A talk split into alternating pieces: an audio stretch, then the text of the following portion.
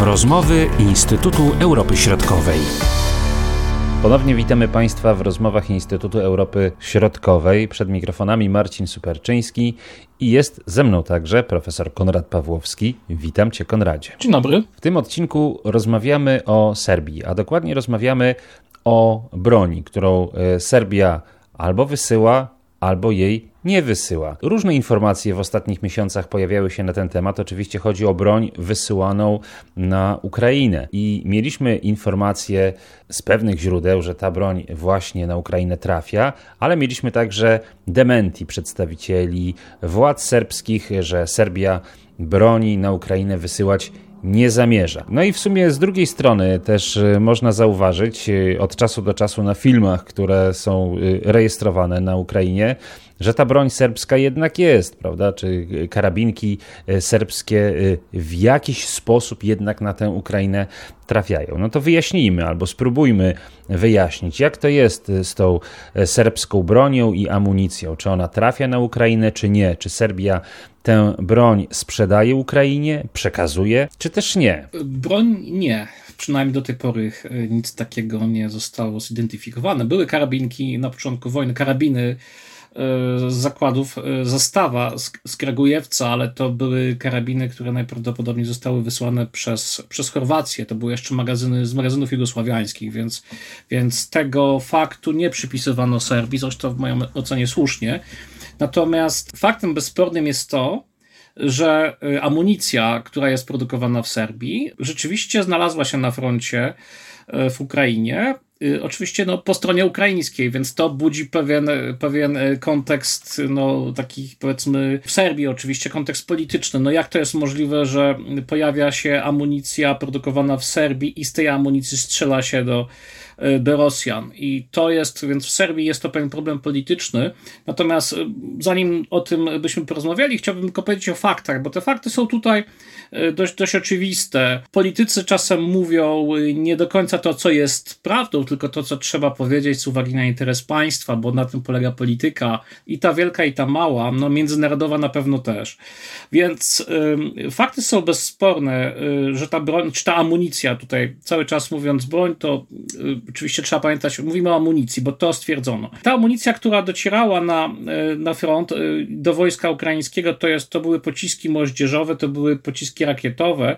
I rzeczywiście ja tutaj przypomnę kilka faktów, kiedy, kiedy to się pojawiało, kiedy te informacje wypływały. We wrześniu, w listopadzie 2019 roku pojawiła się tak zwana afera Krusik. Krusik to są zakłady w miejscowości Waliewo w zachodniej Serbii i z tych zakładów rzeczywiście te pociski moździerzowe się pojawiły, co rzeczywiście w Serbii wywołało e, szok, że no jak to jest, po stronie ukraińskiej strzela się do separatystów w Donbasie z, z e, pocisków moździerzowych wyprodukowanych w Serbii.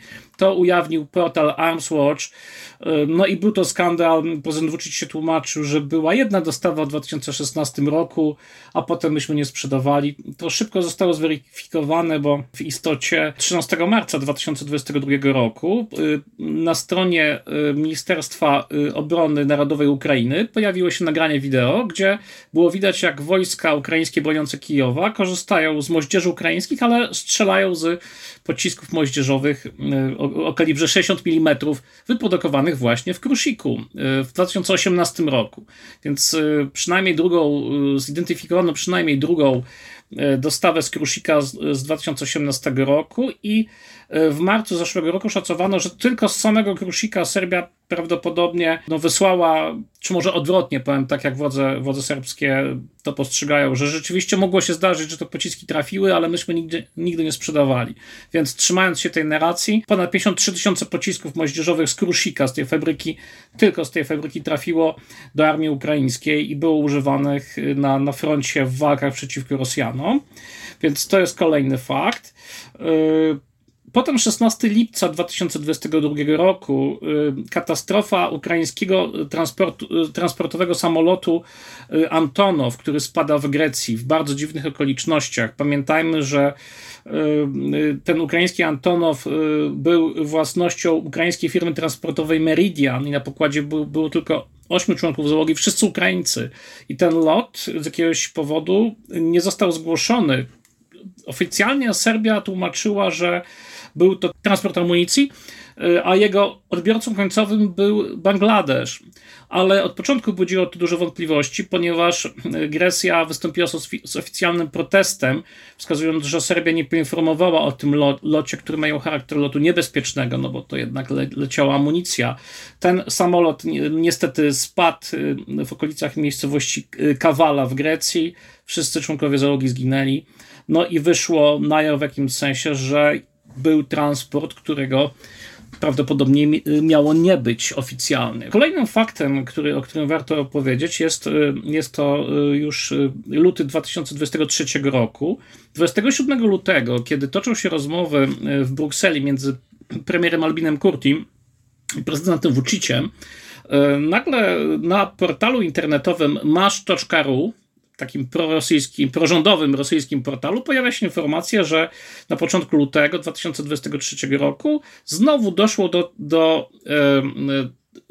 do sprzedaży broni, która z Serbii poprzez Turcję i Słowację trafiła na E, na Ukrainę. Tam e, rzeczywiście cały ten system, który, który temu towarzyszył, był bardzo skomplikowany, bo tam się pojawiły jako, jako e, pośredniczące firmy jedna firma kanadyjska, więc to, to, powiedzmy, no, cały ten system ja może, może omówię potem, bo, bo wydaje mi się, że to jest bardzo ciekawe, jak to wygląda. Natomiast jest to kolejny transport, w tym, w tym przypadku ponad około 3,5 tysiąca pocisków rakietowych kalibru 122 mm, mm które no, mają zastosowanie w systemach GRAD, które są nowoczesną odmianą Katiuszy. Myślę, że myślę, że pamiętamy, czym jest Katiusza. To są takie samobieżne, wieloprowadnicowe wyrzutnie rakietowe.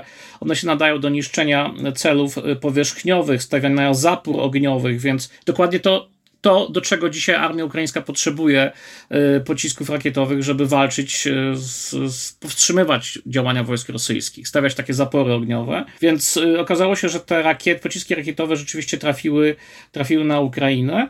No i ostatnie, ostatni no, kłopotliwy dla Serbii fakt lub plotka, jak władze, władze w Belgradzie twierdzą, to jest 12 kwietnia 2023 roku. Wyciek materiałów materiałów, y, które publikuje Reuters, te materiały zresztą wcześniej krążą w, inter, w internecie. Reuters publikuje materiały, które prawdopodobnie wyciekły z Pentagonu i tam jest um, taka lista państw, które chcą pomagać Ukrainie w sensie wsparcia militarnego, szkolenia wojskowego i y, na liście tych 38 państw, y, którą zrobili Amerykanie, Serbia widnieje jako państwo, które nie chce szkolić żołnierzy ukraińskich, nie chce uczestniczyć w tym, ale jednak albo już wysyłało uzbrojenie, albo wyraża wolę wysyłania uzbrojenia w przyszłości. Jest to, jest to tak ogólnie zdefiniowane, więc e, sugeruję, że to, o czym mówił 17 lutego 2023 roku specjalny wysłannik Stanów Zjednoczonych e, Derek Scholle, e, który dziękował Serbii za wsparcie dla Ukrainy, to prawdopodobnie o tym właśnie mówił. Ten tweet amerykańskiego dyplomaty, który wzbudził konsternację, prawdopodobnie dotyczył właśnie tej formy pomocy, do której Serbia oczywiście się nie przyznaje. Bezspornym faktem jest to, że amunicja, e, pociski moździerzowe, e, e, pociski rakietowe trafiły na Ukrainę do armii ukraińskiej.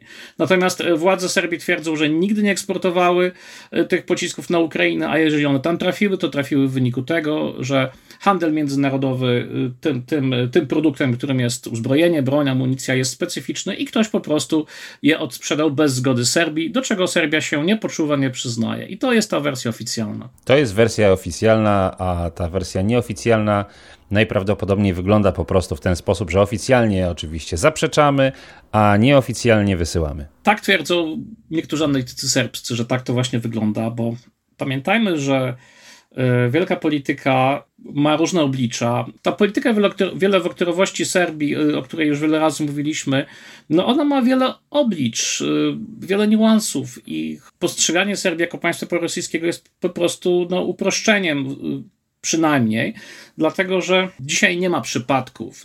Dzisiaj handel bronią przez firmy poza wiedzą rządów to może jest początek XX wieku po raz ostatni. Dzisiaj w tym biznesie państwa kontrolują działania firm i, i, i, to, komu te firmy sprzedają uzbrojenie. Więc tutaj nie ma przypadku. Władze Serbii, nawet jeśli oficjalnie nie sprzedawały amunicji stronie ukraińskiej, to doskonale wiedziały, gdzie ta amunicja trafi i to nie jest przypadek.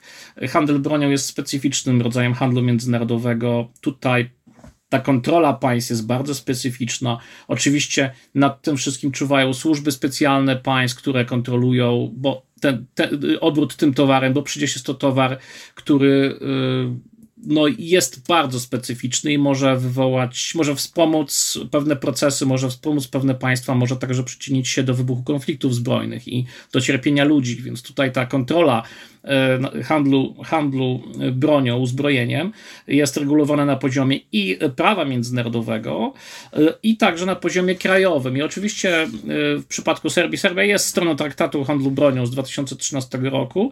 Istnieje także w, w ramach prawa krajowego ustawa o wywozie i przywozie broni i sprzętu wojskowego z 2014 roku i de jure wszystko jest, wszystko jest regulowane i to wszystko jest zgodne z prawem, bo też podkreślmy wyraźnie, że przecież wiele państw wspiera dzisiaj Ukrainę i sprzedaż broni Ukrainie nie jest problemem, a nawet być może jest w jakimś sensie obowiązkiem moralnym jeżeli Ukraińcy chcą się bronić, a walczą przecież o swoją suwerenność, przecież państwa mają prawo do samoobrony, jest to prawo z artykułu 51 e, e, Karty Narodów Zjednoczonych, to inne państwa także mają prawo, być może obowiązek moralny wspierać e, te państwa.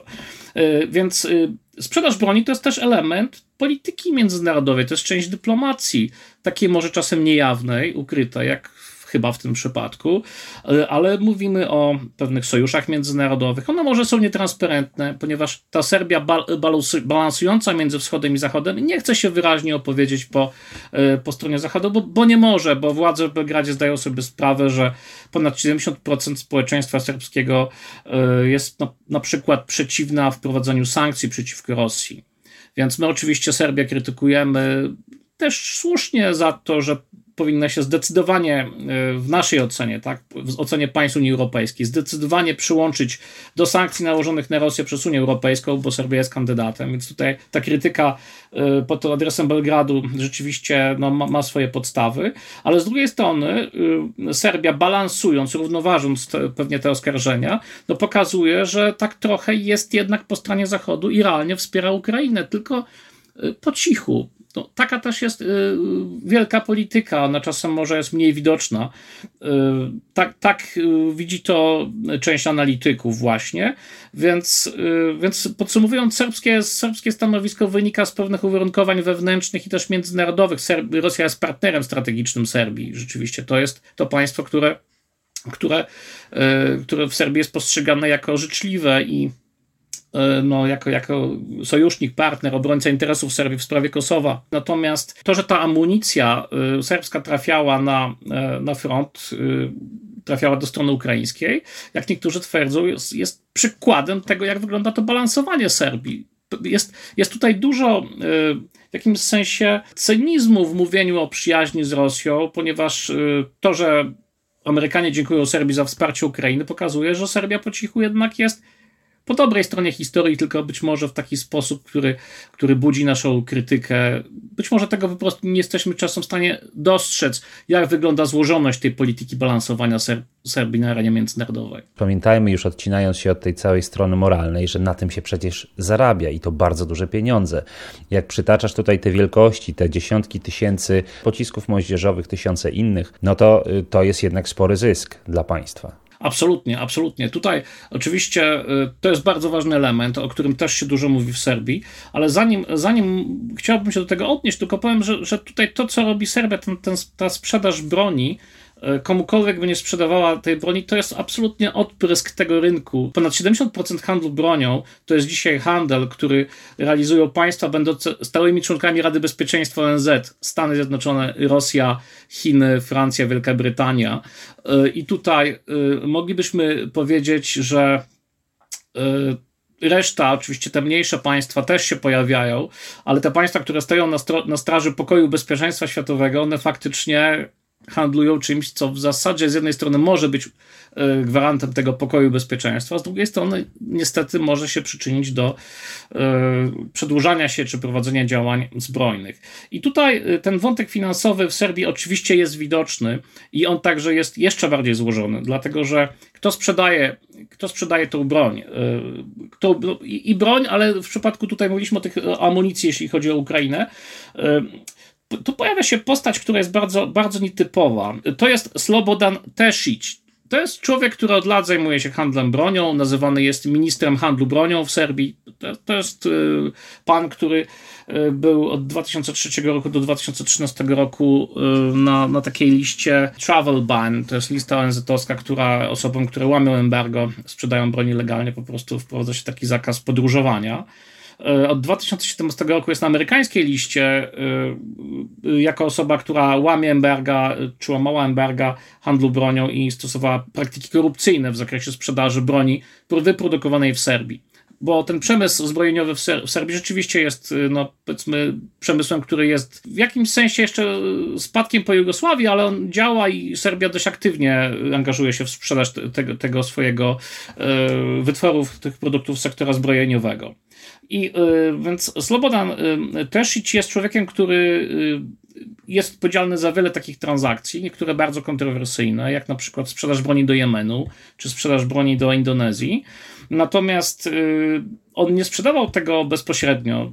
Firmy Tesicia, a w zasadzie firmy związane z nim, bo on sam jest objęty tym embargiem, sprzedają dzisiaj do Stanów Zjednoczonych takie firmy jak, jak Walir czy Zenit Prom, to są firmy, które się formalnie on się tam nie podpisuje e, pod tym, ale w rzeczywistości analitycy wskazują, że to są e, firmy z nim związane, że on dalej obsługuje ten handel, a, a dzisiaj Amerykanie przymykają na to oko, bo e, bo jest potrzebny ten towar, którymi, którym Serbia dzisiaj handluje no bo to jest dość oczywiste. No dzisiaj, dzisiaj standardy armii ukraińskiej są w dużym stopniu jeszcze poradzieckie, standardy amunicji produkowanej przez Serbię są też poradzieckie, czy wpisują się w to, czego armia ukraińska potrzebuje. To są nie do końca standardy y, natowskie, więc, więc to, co jest potrzebne, y, po prostu się skupuje. Już część państw byłego Układu Warszawskiego nie produkuje po prostu tej amunicji, która dzisiaj była Ukrainie potrzebna, więc trzeba szukać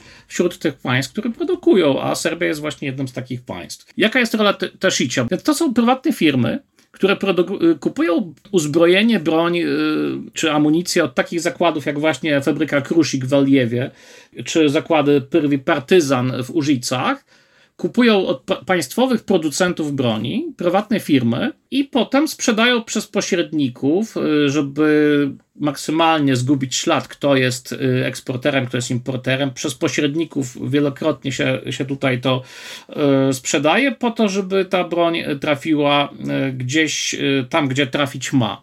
Ja, ja może to przedstawię na tej ostatniej transakcji. Firma Krusik sprzedała, publiczna firma sprzedała po bardzo niskiej cenie pociski rakietowe, sprzedała firmie Sofak. To jest firma, której, której właścicielką jest e, Jelena Petrowicz, to jest córka e, Slobodana Teszicia.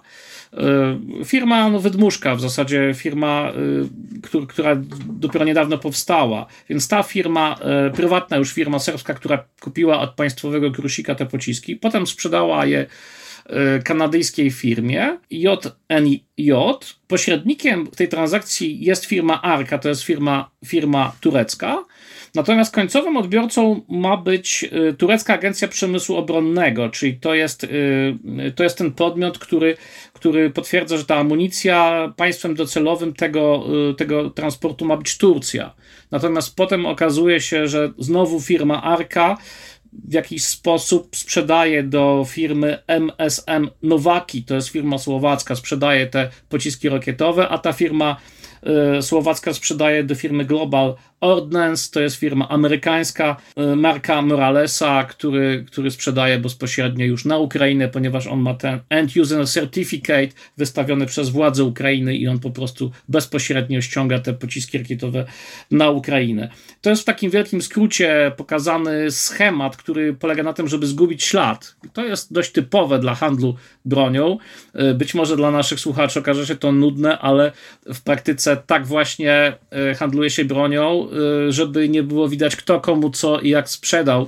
Podobno około 40% transakcji to są tego typu transakcje, które trudno jest ustalić, y, bo tak ma być. Wielka polityka to czasem właśnie jest handel bronią, wspieranie sojuszników, a nawet wypieranie się tego. Z jednej strony może się wydawać skomplikowane, ale przecież pamiętamy film Pan Życia i Śmierci z Nicolasem Cage'em. To y, tam y, bardzo dobrze to było opisane, jak ten proceder wygląda w innych realiach. Mamy pewne wyobrażenie, co się dzieje, jak ta broń czy amunicja trafia w miejsce konfliktów. W filmie Pierwowzorem postaci granej przez Nicolasa Cage'a będzie Wiktor But, rosyjski handlarz bronią, ale Slobodan Tesic to jest dokładnie ten sam typ człowieka. E, tak jak mówiłem, e, nieoficjalnie nazywany ministrem handlu bronią. E, dodatkowo człowiek związany z serbską partią postępową, więc to, o czym się mówi w Serbii, to mówi się o tym, że zakłady takie jak Krusik produkują tą amunicję, zarabiają na tym bardzo niewielkie pieniądze, a y, olbrzymie pieniądze, wielokrotnie y, mówi się, no, różne były wyliczenia, widziałem, że na Ukrainę trafiły pociski, które były dwa razy więcej warte, czy cena była dwukrotnie większa niż to, co zapłacono Krusikowi.